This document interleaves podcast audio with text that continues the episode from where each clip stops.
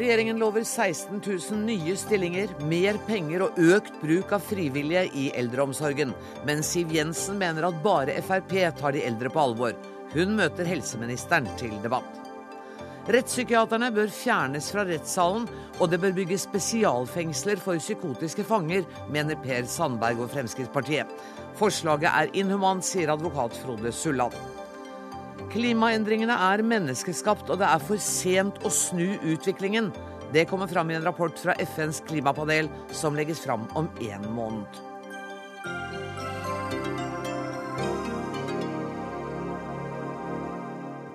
Dette er noen av sakene i Dagsnytt 18 i dag, der vi også får presentert en rapport som hevder at norsk olje- og gassproduksjon ikke er til noen som helst nytte for verdens fattige. Hva olje- og energiministeren mener om det, får du vite mot slutten av sendinga. Men først. Arbeiderpartiet legger fram en ny plan for hvordan de vil løfte eldreomsorgen fram mot 2020.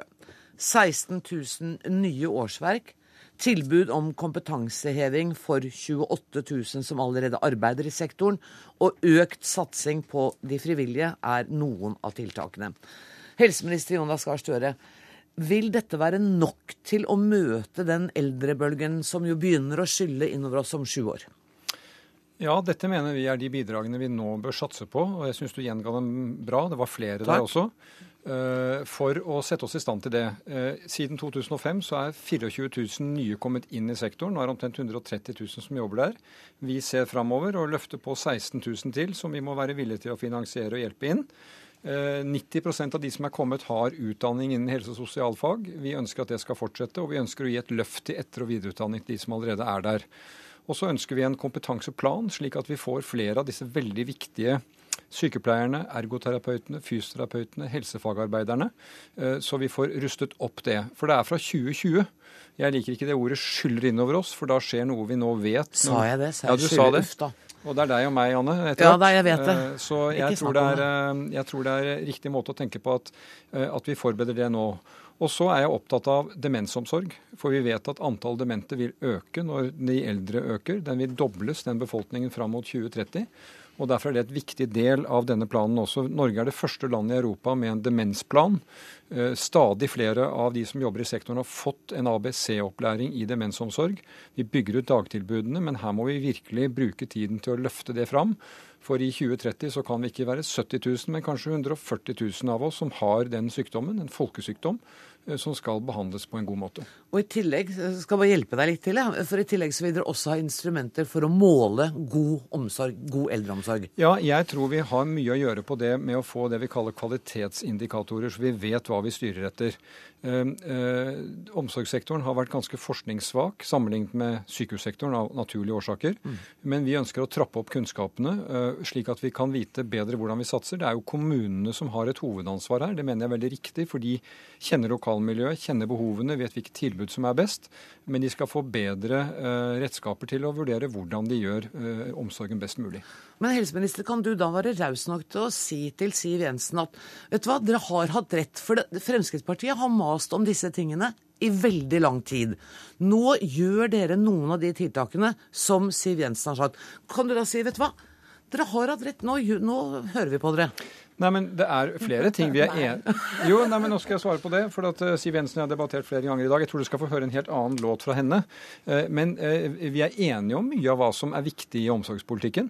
Det at vi har fått flere hender, flere dyktige hjerner og gode hjerter inn i den sektoren, det har vi vært enige om. Og av de 18 punktene, de ypper ikke til strid. Men eh, jeg vil jo si tilbake igjen til valgkampens viktige tema, ett av dem. Eh, vi har sagt det at med de oppgavene vi har her, som vi har i sykehus, er det en av grunnene til at vi ikke går inn for, som Fremskrittspartiet, 100 milliarder i skattelettelser. Det er en del av retningsvalget, men at vi er enige om hva som er god omsorg på en del viktige områder, det syns jeg bare er en fin ting. Ja, og det syns vel du også. Kan du da være raus og si at ja, men nå, velkommen etter, nå gjør dere det vi har mast om en stund? I hvert fall noe av det. Arbeiderpartiet er veldig flink til å legge frem nye planer, men de er kanskje ikke like flinke til å følge opp de gamle planene. Og det er jo litt av problemet med norsk eldreomsorg. Vi kommer alltid på etterskudd, og det er en veldig mager trøst for de som trenger omsorg i dag, at eh, helseministeren har fokus på når dere skal bli gamle. De som er syke nå, som trenger hjelp nå, får ikke den hjelpen de trenger. Vi vet ikke hvor store ventelistene er, fordi kommunene får ikke føre det. Eh, og mange av tiltakene virker ikke. Vi har jo hørt Får de ikke føre, takk, er kommunene, Får de ikke lov til å føre De får ikke lov til å føre ventelister, okay. så vi vet faktisk ikke hvor mange tusen det er. TV 2 har gjort en prisverdig forsøk i å avdekke dette, og de antydet i hvert fall 3000. Men vi vet ikke. Det som er det urovekkende, eh, og det har vi jo hørt Støre si flere ganger i dag, eh, når det begynner å bli ubehagelig, og TV 2s avsløringer som kom i går, så skyver han ansvaret rett på kommunene. Mens i valgkamper så er statsministre og helseministre flinke til å komme med løfter som de i sin tur ikke innfrir. Derfor sier Fremskrittspartiet at det er tre ting vi nå må gjøre. Det første vi må gjøre, er å lovfeste retten til omsorg. Det være seg hjemmehjelp, hjemmesykepleie, omsorgsbolig eller sykehjemsplass. Og den skal utløses når legen din sier at du har behov for det, ikke ved en tilfeldig byråkrat. Det andre vi må gjøre, er å flytte finansieringsansvaret ett sted. Nå er det pingpongspill mellom stat og kommune. Det gjør at forskjellene blir store. Vi vil flytte ansvaret til staten. Det tredje vi må gjøre, og som etterspørres, i hvert fall fra de som leder sykehjem der ute, er bemanningsnormer. Fordi de ansatte ved landets sykehjem, de løper fort.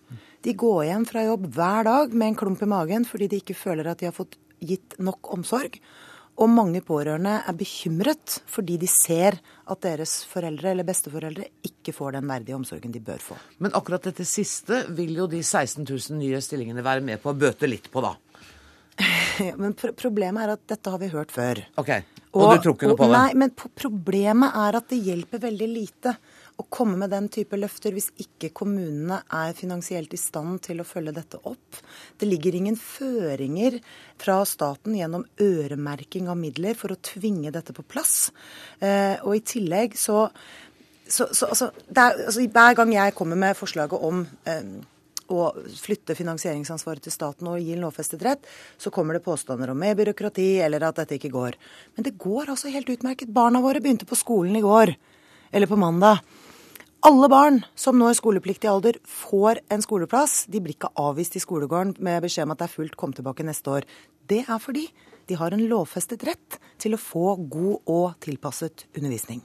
Kommer nå de samme replikkene som dere har hatt i alle debattene før i dag? Nei, men det er med stort engasjement, så det er som det skulle vært den første. Takk skal du ha. Eh, kan vi ikke ta det med lovfesta rett jo, først, Støre? La, la, la, oss ta de tre forslagene. Ja, men ta lovfesta rett først. Der mener jeg at det er det i dag, fordi at lov om helsehjelp sier at du skal få den hjelpen du trenger. Hvis det er etter legens vurdering, og de som vurderer deg, ikke en byråkrat, men hvis det er etter, etter en, en medisinskfaglig vurdering, sykehjem, skal du få det. Men det er veldig mye annet. Du kan også få fremfor å komme på sykehjem hvis du kan bo hjemme, tilrettelagt hjelp, hjemmehjelp osv. Så, videre. så jeg mener at det å lovfeste, det er, eh, den, den, den rettigheten er der i dag. Så er det bemanningsnorm. Jeg merker meg at Sykepleierforbundet, som representerer de fleste av de som jobber i denne sektoren, de er imot det. Det blir ofte en minimumsnorm.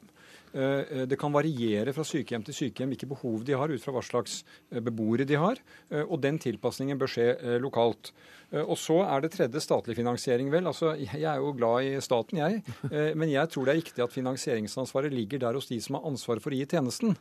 Men staten har jo et ansvar ved at vi overfører penger til kommunene. Det har vi økt i vår tid betydelig. Eh, og at vi på noen områder gir stimuleringsstønad. Men det er veldig viktig, tror jeg, at det er kommunen som kjenner lokalbefolkningen, kjenner de som bor der, kan se hvilke løsninger som skal til, utløse kreativitet, jobbe med frivilligheten, foreningslivet, som har dette ansvaret. Det er en side ved demokratiet vårt. Så kan dere gjerne stille de eh, eh, rikspolitikerne til ansvar for det som er de store linjene i politikken, og så kan vi stille lokalpolitikerne til ansvar, eh, bl.a. i de byene hvor Fremskrittspartiet styrer. Kan jeg bare gå tilbake og få oppklart en liten ting? for du du sier at du mener at den retten til eh, omsorg og eventuelt sykehjemsplass, den er lovfestet allerede. Ja, jeg, mener, jeg mener at du har, altså, du har, rett til helsehjelp. Du har rett til den omsorgen du trenger fra din situasjon. Men den retten er jo ikke verdt noe hvis det står 3000 mennesker, eller ligger 3000 mennesker i kø på å komme inn. Ja, det, det er et tall som ikke jeg har sett, Nei, okay. uh, sett godt gjort. Altså, uh, jeg, jeg, mener at det, det, store bildet i norske kommuner i dag, det kan være flaskehalser. Og la meg si, jeg mener at OECD påpeker at vi har Europas beste eldreomsorg. Og jeg pleier å si at det imponerer ikke meg mer enn at det er det vi skal få til hjemme, som teller for oss. Men vi har gjennomgående mye god omsorg. Men det er mange utstående utfordringer, og vi vet det kommer flere eh, der fremme.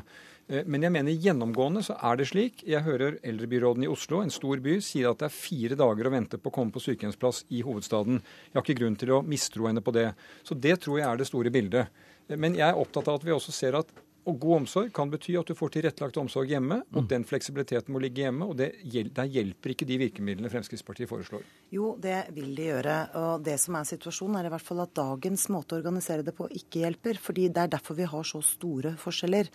Eh, og For mange så er det ikke bare å få en plass, det handler om hva slags plass du får. Det er fortsatt sånn at noen må dele rom. Det er fortsatt sånn at mange rom ikke har egne bad. Det er fortsatt sånn at mange rom er nedslitt og trenger pusses opp. Og det er fortsatt sånn at ved veldig mange av landets sykehjem så er bemanningen for dårlig. Jeg syns jo det er ganske defensivt å si at det å innføre bemanningsnormer ikke er nødvendig. Det vil gi et løft for de aller fleste sykehjem og sørge for at du får tilstrekkelig bemanning, slik at man har tid til å, til å ta seg av beboerne. Og jeg må si at TV 2s reportasje i går, den gikk i hvert fall inn på meg. Det er muligheten preller av på deg. Men når du ser ansatte som jobber med eldre mennesker hver eneste dag, uttrykke den frustrasjonen som de der gjør, sammenligner dette med kyr, og de sier at kyr i Norge har et bedre lovfestet vern enn eldre mennesker, så er det sterke ord fra ansatte. Når du ser pårørende som gråter eh, over den behandlingen de opplever at sine, eh, sine kjære får, så syns jeg at vi skal ta dette langt mer alvorlig. Det Jonas Gahr Støre nå prøver å gjøre, er å late som dette er noen enkeltstående eksempler, og at jeg prøver å svartmale situasjonen. Det vi har fått høre, er en virkelighetsbeskrivelse fra mennesker som jobber med dette hver dag. Da må vi gjøre noe med det. Og da syns ikke jeg at vi skal legge frem flere planer. Da skal vi sette i gang tiltak. Jeg tenker En sånn debatt som er ganske følsom, vi har alle eldre tett på, så skal vi ikke tillegge hverandre motiver vi ikke har. Jeg, jeg, tror du tar det på alvor, Siv. Jeg kan forsikre deg, jeg tar det på alvor. Du går inn på meg også reportasje på TV. Eh, det er korte reportasjer. Jeg har lange møter rundt om i norsk eldreomsorg. De gjør veldig inntrykk på meg. Møter med pårørende, møter med eldre. Det er ofte en fortvilet situasjon, men jeg har plikt og veldig lyst på å si det er også veldig mye god omsorg. Det skjer veldig mye nær omsorg, det skjer veldig mye god tilpasset omsorg. Så jeg mener at de må tegne det brede bildet. Og så er det jo slik at vi legger planer ut fra hva vi ser befolkningen utvikle seg. Vi trenger flere ansatte. Vi prøver å sette en ambisjon for det. Den forrige ambisjonen vi så, overoppfylte vi. Nå setter vi en ny. Og så syns jeg vi kan ta diskusjoner hele veien, men jeg er bare opptatt av at forslag om å statliggjøre, vedta lover, vedta rettigheter Vi har en tendens til å tro at bare vi vedtar en lov og en rettighet, så skjer det noe der ute. Mm. Men da skal de folkene utdannes, de skal komme på plass, de skal organiseres. Eh, og det arbeidet må være i størst mulig grad lokalt. Men jeg tenker at hvis dere slåss om hvilke Dere er jo helt enige om målet en enda bedre eldreomsorg, en enda verdigere eldreomsorg. Og så tenker jeg, og Det er liksom i min egen interesse. Om 20 år så sitter jeg der, og så er det ikke noe bedre, fordi dere to har krangla hele tida. Og ikke, blir, ikke gjort noen ting. Men, men, men, sånn er det jo ikke. Det vil jeg bare si at uh, altså, Nå er jo Siv Jensen tilfeldigvis helt uenig med sin hovedpartner Høyre om disse spørsmålene. Det er ikke mitt problem. Jeg mener det er velgernes problem om de velger galt. Men jeg syns jo det at vi har en engasjert debatt om dette, programleder, ja. det er bra i demokratiet. For det dette er et viktig spørsmål. Særlig hvis den resulterer i noen ja, konkrete handlinger. Litt av frustrasjonen min ligger jo i at så lenge jeg har vært politiker, og det begynner å bli noen år, så har eldreomsorgen stått øverst på dagsordenen i alle valg, både kommunevalg og stortingsvalg. Og når, når, helseministeren våger å si at de har overoppfylt løftene sine Altså, eldreomsorgen i Norge har aldri vært overoppfylt. Eldreomsorgen i Norge har alltid ligget bakpå. Eh, og det er, noe, det er noe forstemmende, fordi det eldre mennesker i Norge opplever, det er både at eldreomsorgen eh, lider, det er at pensjonene blir kuttet, underregulert og samordnet. Og jeg tror mange eldre stiller seg spørsmålet hvorfor er det sånn at de alltid ender opp med å bli salderingspost. Og jeg tenker at det som ville vært smart nå, var at alle landets eldre og deres pårørende rottet seg sammen og viste en gang for alle i valg at nå protesterer vi gjennom å stemme riktig. Jeg, jeg må bare si at jeg gruer meg, og jeg må sette strek. Tusen takk for at dere kom, Jonas Gahr Støre og Siv Jensen.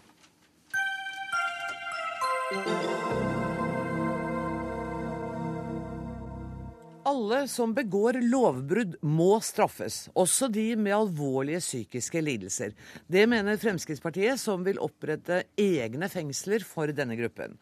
Partiet går også inn for å fjerne rettspsykiaterne fra norske rettssaler. Og La oss begynne med det siste poenget. Hans Frode Asmyr, eh, medlem av justiskomiteen for Fremskrittspartiet. Hvorfor vil dere ha rettspsykiaterne ut av rettssalene?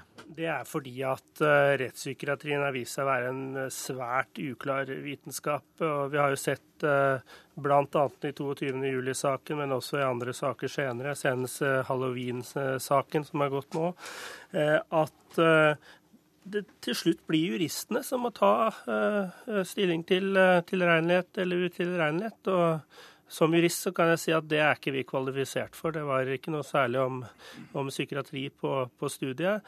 Derfor så er vi nå nødt til å ta dette opp til en stor debatt og få gjort noe med dette nå Men... i neste stortingsperiode. Fordi eh, eh det vi også gjør med dette, er jo at vi forskjellsbehandler psykisk syke mennesker. Det er åpenbart at eh, de som har gjort denne typen handlinger, enten de er tilregnelige eller utilregnelige, har store problemer.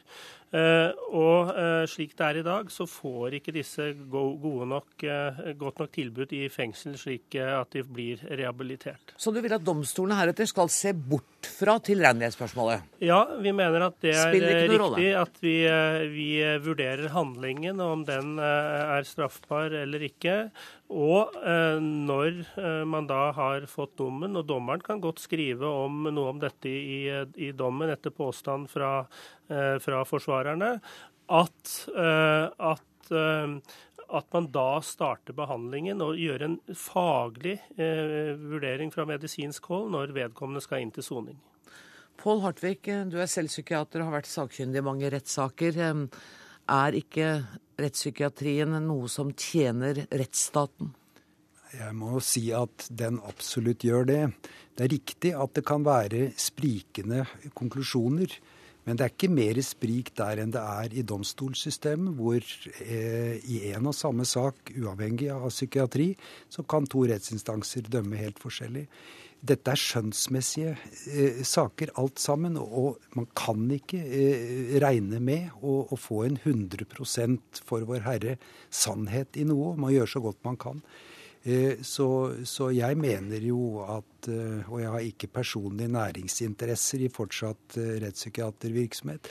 Eh, selv om jeg er interessert i emnet fortsatt, så mener jeg jo at, at en domstol i høyeste grad må ha nytte av en mest mulig kvalifisert og best mulig gjennomført judisiell observasjon på forhånd. Men kan det løses ved, for Fremskrittspartiet åpner også for at man kan ha noe utdannelse i psykiatri for dommere? Det syns jeg vil være en merkelig hybrid, at man skal bli dommer-rettspsykiater.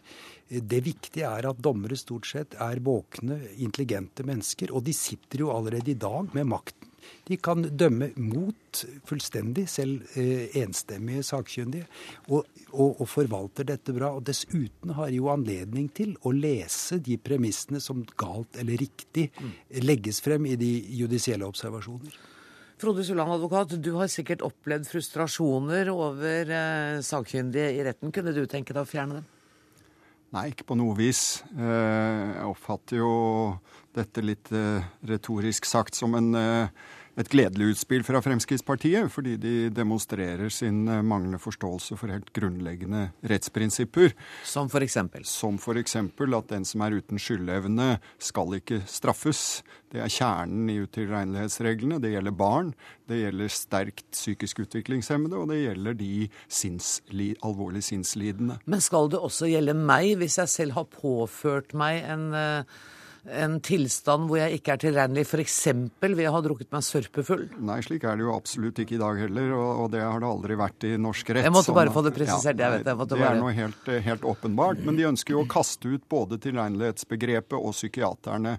Og begge deler er jo helt grunnleggende i uh, vår rettstradisjon og forankret i de prinsipper vi har om skyld og ansvar, og som uh, Fremskrittspartiet da demonstrerer at de ikke har så stor respekt for. Nå er det jo også slik at vi har et lovutvalg i arbeid, og vi kan vel være ganske sikre på at de vil ikke være i nærheten av noen av disse forslagene. Men Suland, samtidig så tyder vel det faktum at uh, justisministeren har nedsatt dette lovutvalget under ledelse av Georg Fredrik Ribemoen, uh, som et tegn på at de er ikke helt 100% fornøyd med tingenes tilstand. Det er absolutt riktig, og det er god grunn til å vurdere tilregnelighetsreglene både i forhold til om de favner for vidt eller for smalt, om det er noen som faller utenfor eller for mange som faller innenfor. Og det er all grunn til å vurdere psykiaternes rolle, kanskje spesielt ut fra det fokus Fremskrittspartiet har med at det er domstolen som skal dømme. Det er altså ikke rettspsykiaterne som skal avsi dommer, og man har jo sett en tendens til at de har hatt en for dominerende plass. Slik at eh, hvordan det skal håndteres, bør være gjenstand for bred debatt, og det vil dette utvalget legge grunnlag for. Ja, Det kommer neste år. Det vil vi eh, forvente. Eh, Jan Bølle, hvordan ser dere i Arbeiderpartiet på en så revolusjonerende endring av rettspraksis? Eh, nei, Som Sulland var inne på, så har det siden Magnus Lagabøters tid i Norge vært et grunnleggende prinsipp at de gale ikke skal, skal dømmes. Og, og, så gjelder det å ha en presis og god nok eh, lovgivning rundt hvem som skal eh, kjennes tilregnelige utilregnelige. Og det er jo det dette utvalget først og fremst skal se på. Hvordan få den lovgivningen bedre, gjøre den til et bedre verktøy. Mm. Og de fleste land eh, har andre prinsipper enn Norge. Vi er nesten alene om det som er et så bredt prinsipp som vi har, som kalles det medisinske prinsipp. Mm. Hvor det er mer bare man har en diagnose, så trenger man ikke å knytte selve handlingen til, til den diagnosen. Og der, eh, altså For å ta et eksempel ta et eksempel, så hvis man tror at man dreper djevelen, og ikke skjønner hvilken situasjon man er i, helt tatt, så er man åpenbart psykotisk. ikke sant? Man, vet, altså, man aner ikke hva, hva, som skjer. Mens eh, personer som har en evne, planleggingsevne, har, vet hva de har gjort. Mm. Som, man, som om, Hvis man snakker om 22.07. osv., der er det åpenbart et annet farvann enn de enn de veldig klart eh, psykotiske som ligger i, i, dette med det prinsippet som føles i de fleste andre land. Mm. Så det nåløyet der vil, eh, vil eh, har de fleste partier, og det er jo bakgrunnen for det utvalget også, det, det, det nåløyet der er jo det de skal først og fremst se på. Mens det, det, Frp gjør, er liksom å kaste alle barn ut med badevannet i denne sammenhengen. Og det, der eh, må vi trekke noen skillelinjer. Eh, Asmør, jeg, jeg har tenkt å, å liksom la dette ligge nå med rettspsykiatrien i rettssalen, og gå over til dette med at dere vil ha egne fengsler eh, for de som har tunge psykiske lidelser. De skal altså sone den dommen som de får. Det skal ikke være noen flytende grense lenger. Nei, og uh, dette er jo et forslag som vil styrke uh, psykiatriens plass i fengselet og uh, ha et større fokus på behandling. Hvordan da? Jo, fordi at det er en kjent sak at kriminalomsorgen i dag har lite å tilby de som har sterke psykiske problemer, og som likevel sitter i, i, fengsel. Her likestiller vi alle som har denne typen lidelser, og at kriminalomsorgen får uh, tilført. fordi det er som du, du, sier at de vil sitte da dommen ut. Mange av disse vil jo uansett sitte i psykisk helsevern, kanskje livet ut. Men under vårt forslag så får de en dom, blir henvist til kriminalomsorgen, og så får de den behandling som ekspertene da eh, tilskriver de.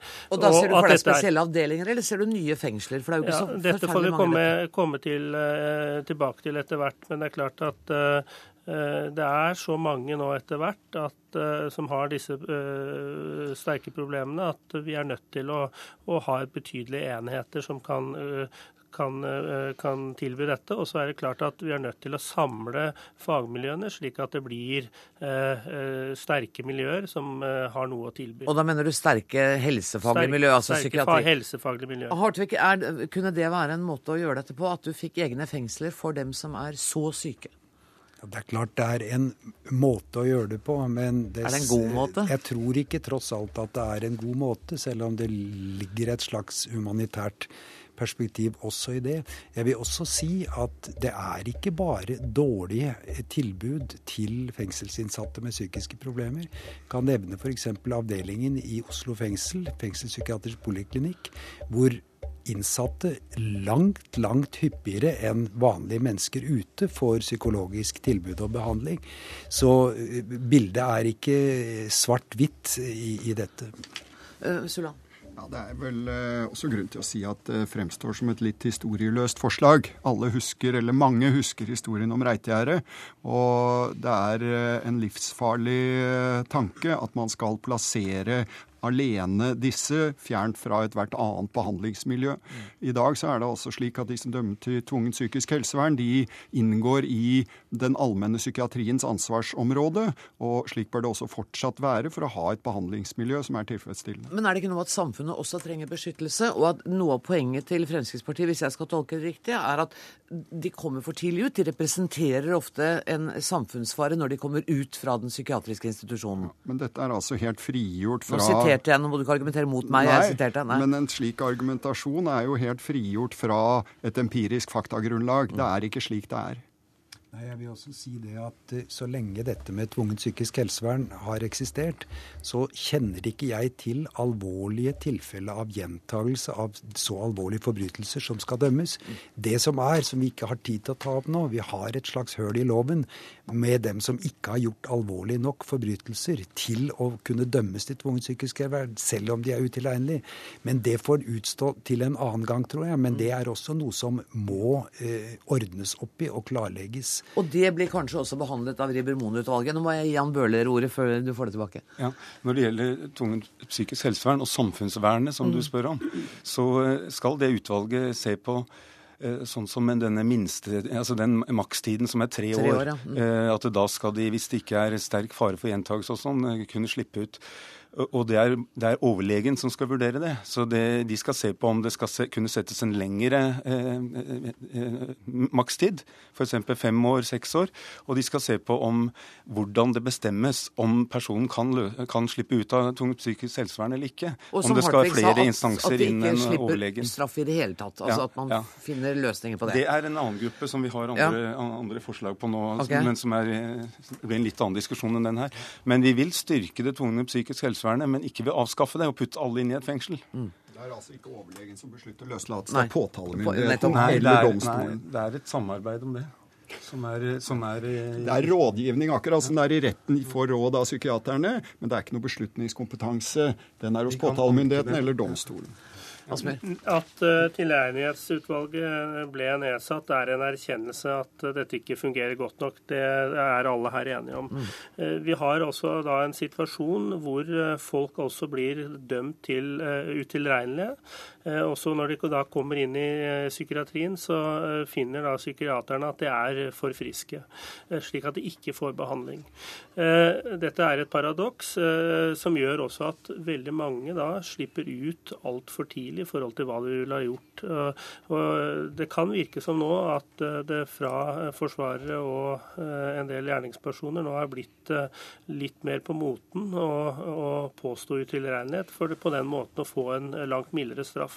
Dette er uforståelig for folk, fordi at folk ser handlingen uh, og kan ikke da forstå at, uh, at dette skal virke formidlende, og at vi da får se vedkommende på gata etter kort tid. Asmir, bare helt kort til slutt. Hvorfor kunne dere ikke vente til dette utvalget har lagt fram innstillingen sin om noen måneder? Nei, Vi syns dette er en viktig debatt eh, å ta løpende, og ikke minst nå foran et veldig viktig valg, hvor eh, det er eh, helt avgjørende at folk stemmer på Fremskrittspartiet for å få en riktig retning på politikken. Vi har i hvert fall tatt debatten her i Dagsnytt 18 også. Tusen takk for at dere kom, mine herrer. Takk til Jan Bøhler, Pål Hartvig, Frode Sulland og altså Hans Frode Asmyr.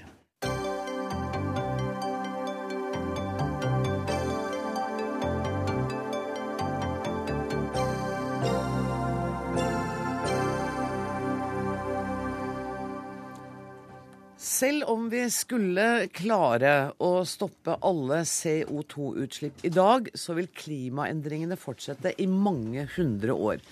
Det skriver Aftenposten, som har fått innblikk i noen av eh, konklusjonene i den neste rapporten fra FNs eh, klimapanel.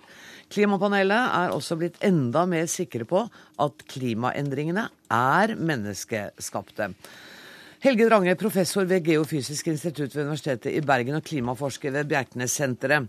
Hvor alvorlige er disse konklusjonene?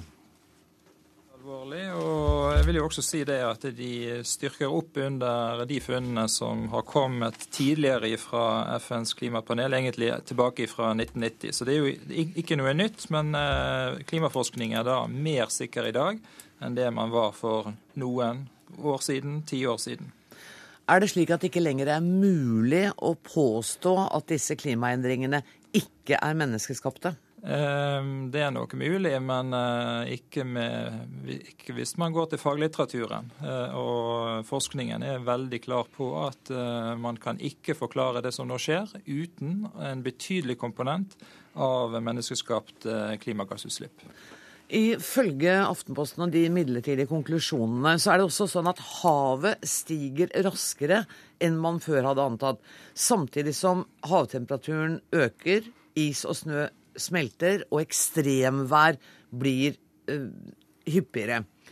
Hvor sikre kan klimapanelet være på disse prognosene?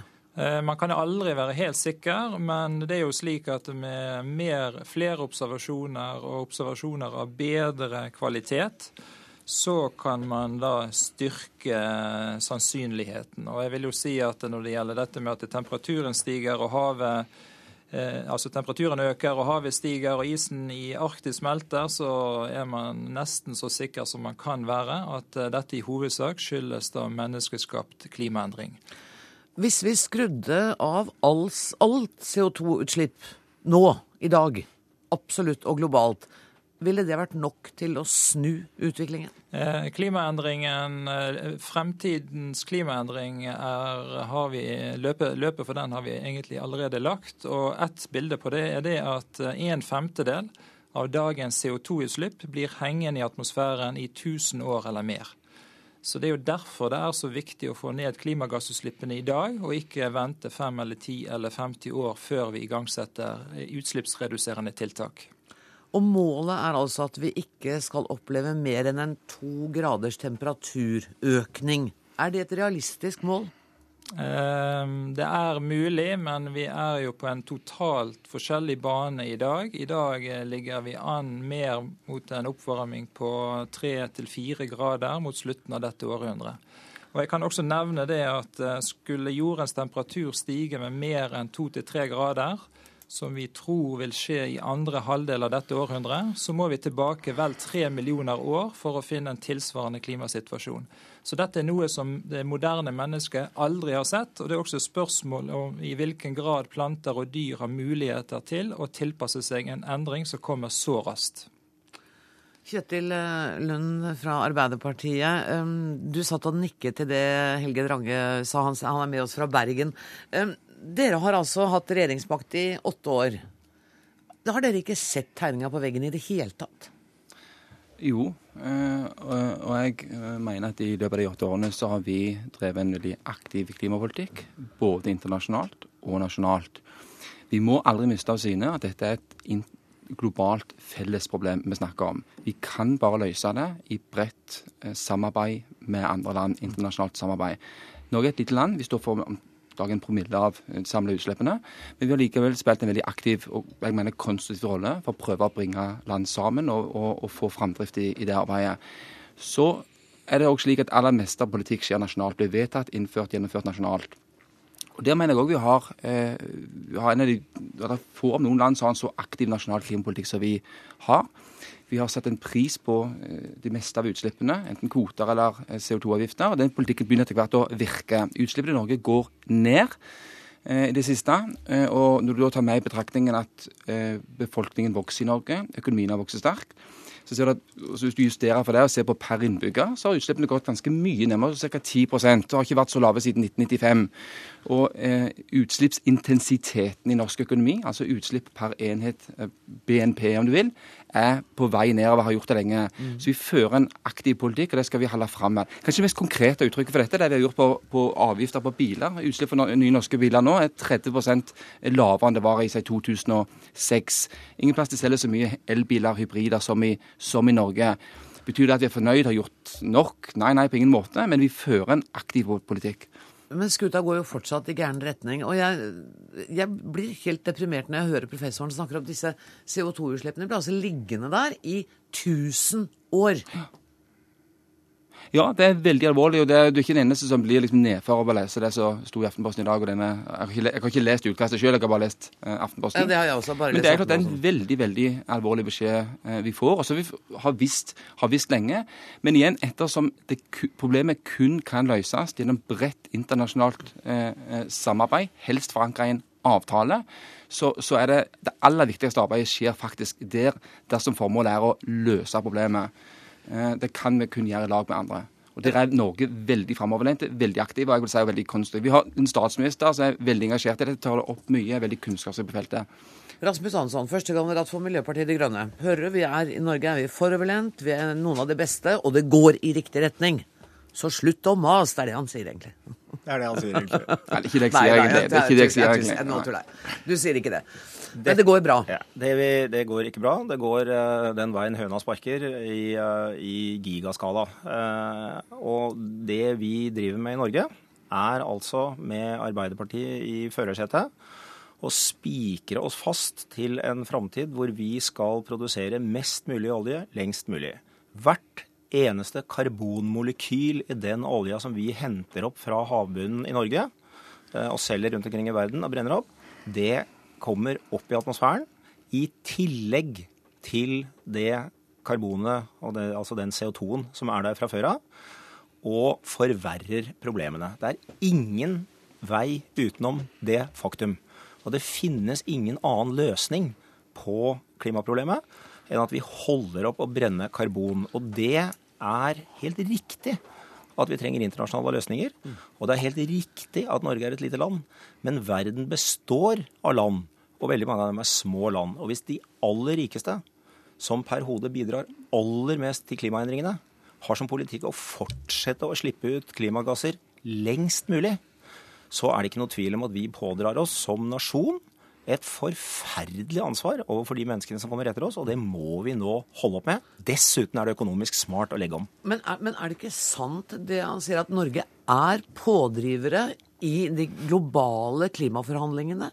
Vi er ledende, og at det er viktig å snakke sammen? Det er viktig å snakke sammen. Vi er pådrivere i de internasjonale klimaforhandlingene, og de virker ikke.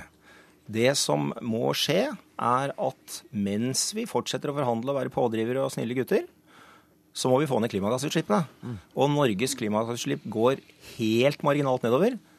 Det er faktisk sånn at uh, mye av grunnen til at, at de går nedover, uh, har gått bitte lite grann nedover i Norge, er gasskraftverk som har stått stille og sånt. Så i forhold til selv de målene som regjeringen selv har satt, og i hvert fall i forhold til de målene som FN har stilt opp for, uh, for verdens rike land, altså at vi må kutte mellom 25 og 40 uh, veldig fort, så er ikke vi i nærheten som nasjon av å klare de kuttene. Og i tillegg så eksporterer vi altså ti ganger så mye klimagassutslipp uh, og tjener penger på det som det vi slipper ut hjemme. Det må vi begynne å ta ansvar for. Kjetil nå hører vi at eh, klima, de globale klimaforhandlingene de virker ikke. Det er riktig at vi er pådrivere, men det funker ikke. No, jeg, jeg, reagerer litt når jeg, når jeg, hører det. Jo, det er riktig at det er mye si, det, det Forhandlingene går, går treigt, og du blir ofte frustrert. Jeg har jobba mye med det selv de siste årene, og man reiser ofte frustrert for sånne møter. Men vi kan altså Hansen, ikke gi opp å få til en bred internasjonal løsning på dette. Vi, for det er kun da vi kan løse det. Det er ren aritmetikk. Altså Norge står for 1 promille av de samla utslippene. Og de samla utslippene må reduseres med 50-85 så det er, Regnestykket er så enkelt. Ja, så, og så jeg, jeg, jeg er veldig opptatt av at da, må vi fokusere på det som virker. Da kan vi ikke drive med masse spektakulære eh, tiltak som kanskje koster veldig mye, uten å eh, virke på de samla eh, utslippene. Jeg er veldig opptatt av at det vi må få til, er å sette en pris på utslipp. La det koste å forurense, å slippe ut CO2. Da gjør vi det lønnsomt eh, med fornybar energi, klimavennlige valg, og ulønnsomt med energi, fossilproduksjon og annen type ting. Det viktige med det, det viktige med det er at, at, da vil også folk som ikke er så veldig opptatt av miljø, handle klimavektig eh, riktig, gjøre klimavennlige investeringsvalg, forbruksvalg, ut av egen økonomisk altså egen interesse. Og det, det, Problemet er så stort at vi må spille på de kreftene. Vi klarer ikke å løse problemet med entusiaster og Rasmus Hansen. Det er vel bra med det engasjement, men problemet er for stort. Vi må gjøre det økonomisk lønnsomt å foreta klimavennlige valg. Det handler om å sette pris på CO2. Det gjør Norge. Stadig flere andre land gjør det, og det er der håpet for at mer klimavennlig utvikling ligger. Nå vet Kjetil Lund at eh, det er, det er ikke noe spesielt treffende å beskylde meg eller Miljøpartiet De Grønne eller det jeg ellers har drevet med for ikke å være tilhenger av internasjonalt samarbeid for å løse klimaproblemet. Men problemet er altså det som Helge Drange nå forsøkte å fortelle oss, og det som FNs klimapanel har forsøkt å fortelle oss i rapport etter rapport etter rapport, og det er at mens disse forhandlingene foregår, mens man forsøker å få en bra pris på karbon, mens man forsøker å få til internasjonal klimapolitikk, så fortsetter klimagassutslippene å gå opp. Og Norge bidrar til at de går opp, fordi vi baserer framtida vår på å selge og pushe mest mulig olje. Og det må vi faktisk legge om kursen på, og det er det Miljøpartiet De Grønne går til valg på. Å ta den kursendringen. Dermed fikk du siste ord. Tusen takk skal du ha. Takk til uh, også Helge Drange og til Kjetil Lund. Vi skal fortsatt snakke litt om uh, denne klimameldingen. For det var altså Aftenposten som i dag kunne bringe noen av de foreløpige konklusjonene i denne femte rapporten fra FNs klimapanel. Ole Mattismoen, journalist i Aftenposten. Hvordan reagerte du? Du har jo lest disse rapportene før. Hvordan reagerte du på denne? Nei, jeg reagerte spesielt på én ting, og det er det vi har skrevet om på førstesiden i dag. Nemlig at klimapanelet, sånn som jeg leser det, for første gang understreker hvor lenge dette kommer til å vare, selv om vi sluttet, hadde sluttet å slippe noe som helst i morgen. Eh, at eh, minst 20% av den CO2 vi har sluppet ut til nå, kommer til å bli der oppe i 1000 år. Det er ganske lenge. Det er ganske mange tipp-tipp-tipp-tipp-barnebarn før vi er der, som skal lide for dette her. Og det var det som satte meg mest ut. For, for ellers, som Drange sa tidligere her, så, så, er det liksom mer at de har blitt sikrere på alt det de har hatt før.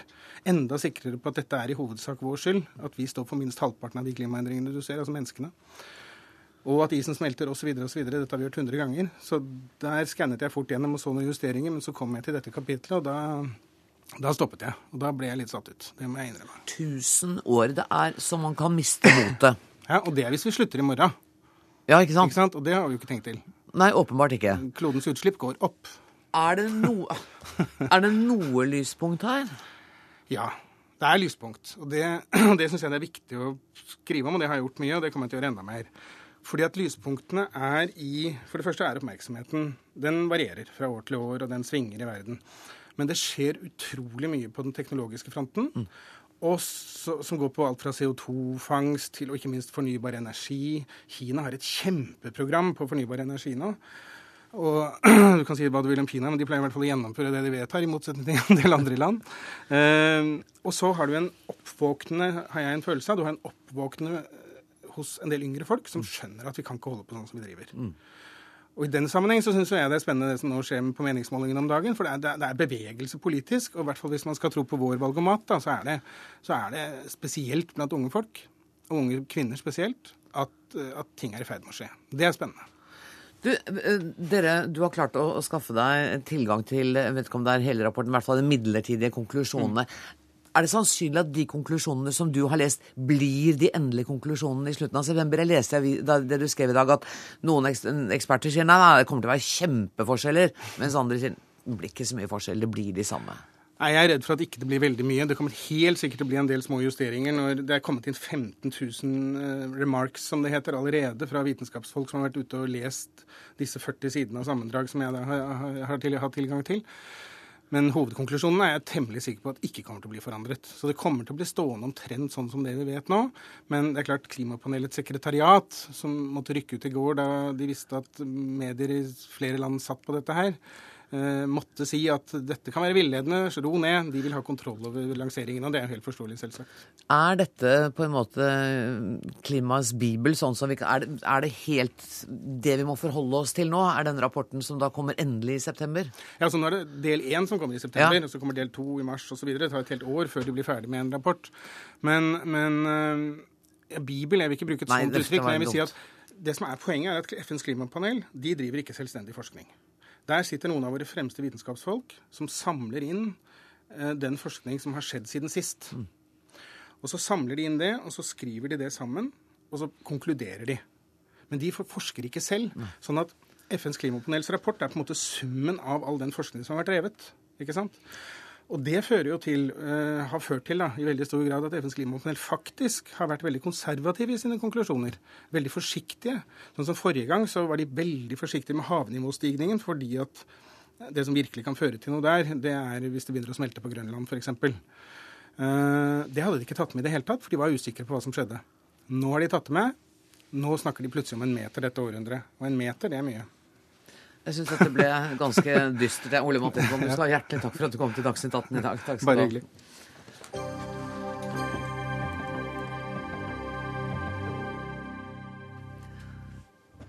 Borgerkrigen i Syria kan føre til en ny borgerkrig i Libanon.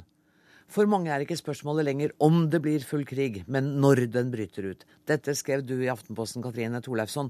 Du er Midtøsten-forsker ved Institutt for internasjonale studier, Fafo. Og du kom nylig tilbake fra Libanon. På hvilken måte har borgerkrigen i Syria påvirket Libanon i en så negativ retning? Ja, Den har jo egentlig påvirket eh, Syria i lang tid nå. Grenseområdene i Libanon er jo allerede under eh, beskytning fra syrisk side. Men det er to sider. Det ene er den massive flyktningstrømmen fra eh, Syria. En halv million flyktninger som kommer til et Libanon som har 4,5 million innbyggere. Flyktningene legger veldig press på landets ressurser, på økonomi og arbeidsplasser. Og på den andre siden er det da også Hizbollahs økte involvering i eh, den syriske borgerkrigen. Hizbollah spiller et høyt spill om dagen, og libanesere flest frykter nå at dette kan eskalere inn til en eh, borgerkrig eh, i Libanon. Fortell meg, Hvor går skillelinjene der? Hizbollah og Hizbollah har da eh, Shia-støttespillere, og har eh, sunni, og så er det også sunnibefolkningen som da Eh, det er den hovedskillelinjen i Libanon. Ja, nettopp. Så har eh, Libanon sagt at eh, vi vil ikke at det skal opprettes teltleirer for flyktninger. Ja, Bakgrunnen er at libanesiske styresmakter har nektet FN å opprette disse leirene. Og Grunnen til det er at de frykter at syrerne skal forbli i Libanon, og de frykter at leirene skal forbli permanente bosetninger, slik som det skjedde med palestinerne etter 1948 og 1967. Men eh, Fafi gjorde nå en undersøkelse som viser at majoriteten av libanesere nå ønsker at leire skal opprettes, og de ønsker også at grensen skal kontrolleres strengere. Så de vil ha slutt på flyktningstrømmen, og de vil ha dem i leire? Rett og slett. Men hva var grunnen til at myndighetene sa nei og nektet eh, å sette opp disse leirene i utgangspunktet? De er redd som sagt for at um, leire skal bli til permanente bosetninger. Det har de jo noe erfaring med? Ja, og de er redd for at det skal også bli grunnlag for væpnet motstand, slik som for PLO og palestinerne i, i sin tid. Og de er redde for at syrerne skal eh, bli.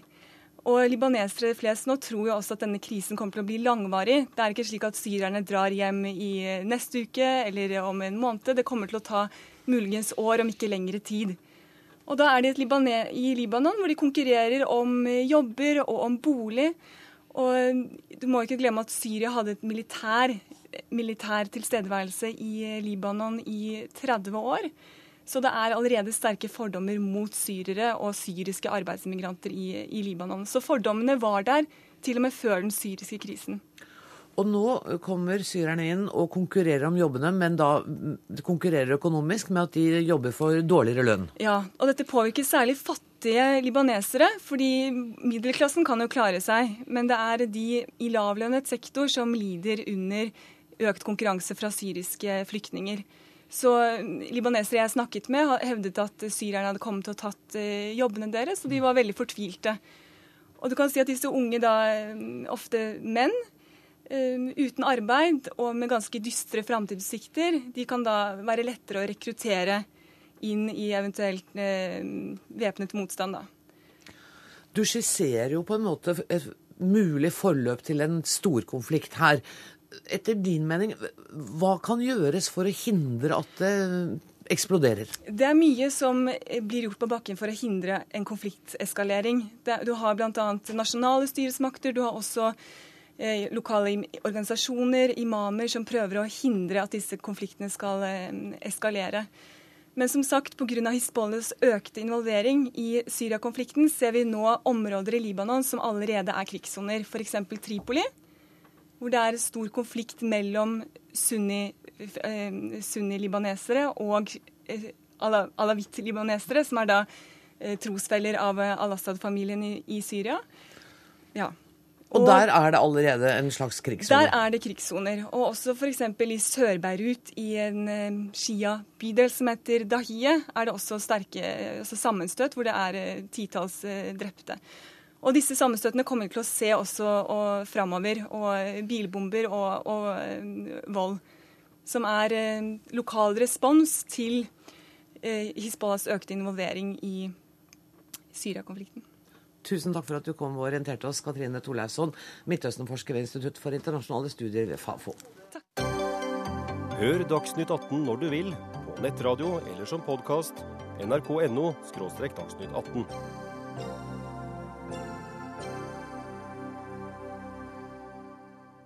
Fattige land har ingen nytte av norsk oljeproduksjon. Det viser en ny rapport fra Statistisk sentralbyrå.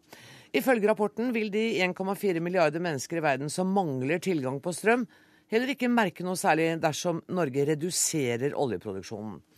Leder i Framtiden i våre hender, Arild Hermstad, det er dere i samarbeid med Kirkens Nødhjelp som har bestilt rapporten. Og du mener at rapporten er et bevis på at myndighetene driver med sitat, bevisst og villedende kommunikasjon. Hvorfor det?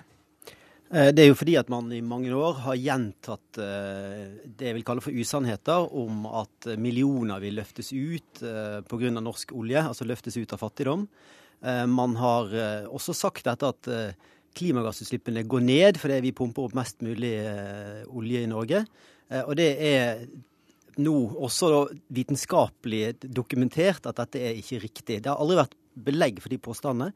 Det har aldri vært forsøkt å belegge de med, med dokumentasjon.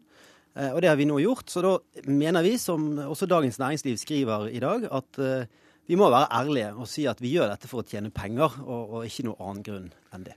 Olje- og energiminister Ola Borten Moe, vi gjør det for å tjene penger og ikke noe annen grunn enn det, sier Framtiden i våre hender. Det er jo åpenbart at uh, olje- og gassnæringa er viktig uh, i Norge, og at vi har mange eh, titusener som jobber med det, og at vi har store inntekter fra det. Det har jo ingen noensinne stukket under en stol. Men eh, så litt til selve fortellinga rundt. For hvis man nå ser seg rundt i verden, så kan det ikke være noe tvil om at man eh, de siste 20 årene har opplevd nettopp at millioner, hundrevis av millioner er løfta ut av bunnløs fattigdom og internasjonalt, som i Norge, så henger jo det sammen med tilgang på energi. Dette ville ikke vært mulig uten at eh, verden har hatt tilgang, tilgang, på store mengder energi. Altså akkurat det samme som skjedde med Norge når vi industrialiserte og når vi lærte oss å temme våre fossefall. Men, og, og, Norge er en av verdens aller største eksportører av energi. Eh, først og fremst eh, olje og gass. Og Det er etter mitt skjønn eh, veldig rart eh, å påstå at eh, dette ikke henger i hop.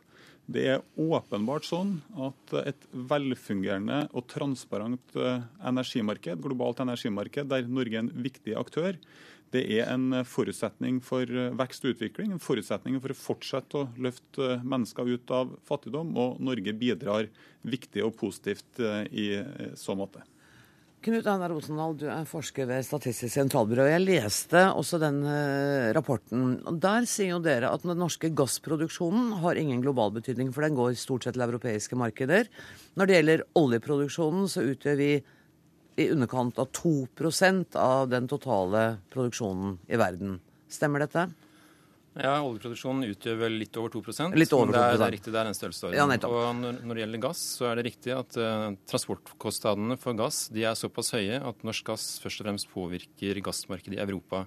Så gassprisene i resten av verden påvirkes veldig lite av norsk gasseksport. Men samtidig så har vel statsråden rett i at det er mange millioner mennesker som er løftet ut av fattigdom fordi de har fått tilgang på elektrisitet? Det er riktig, men det vi ser på, det er effekten av om Norge endrer sin olje- og gassproduksjon. Eh, og effekten av den på energisituasjonen i lavinntektsland, den mener vi er beskjeden. Du kan ikke bruke det argumentet lenger da, statsråd Moe?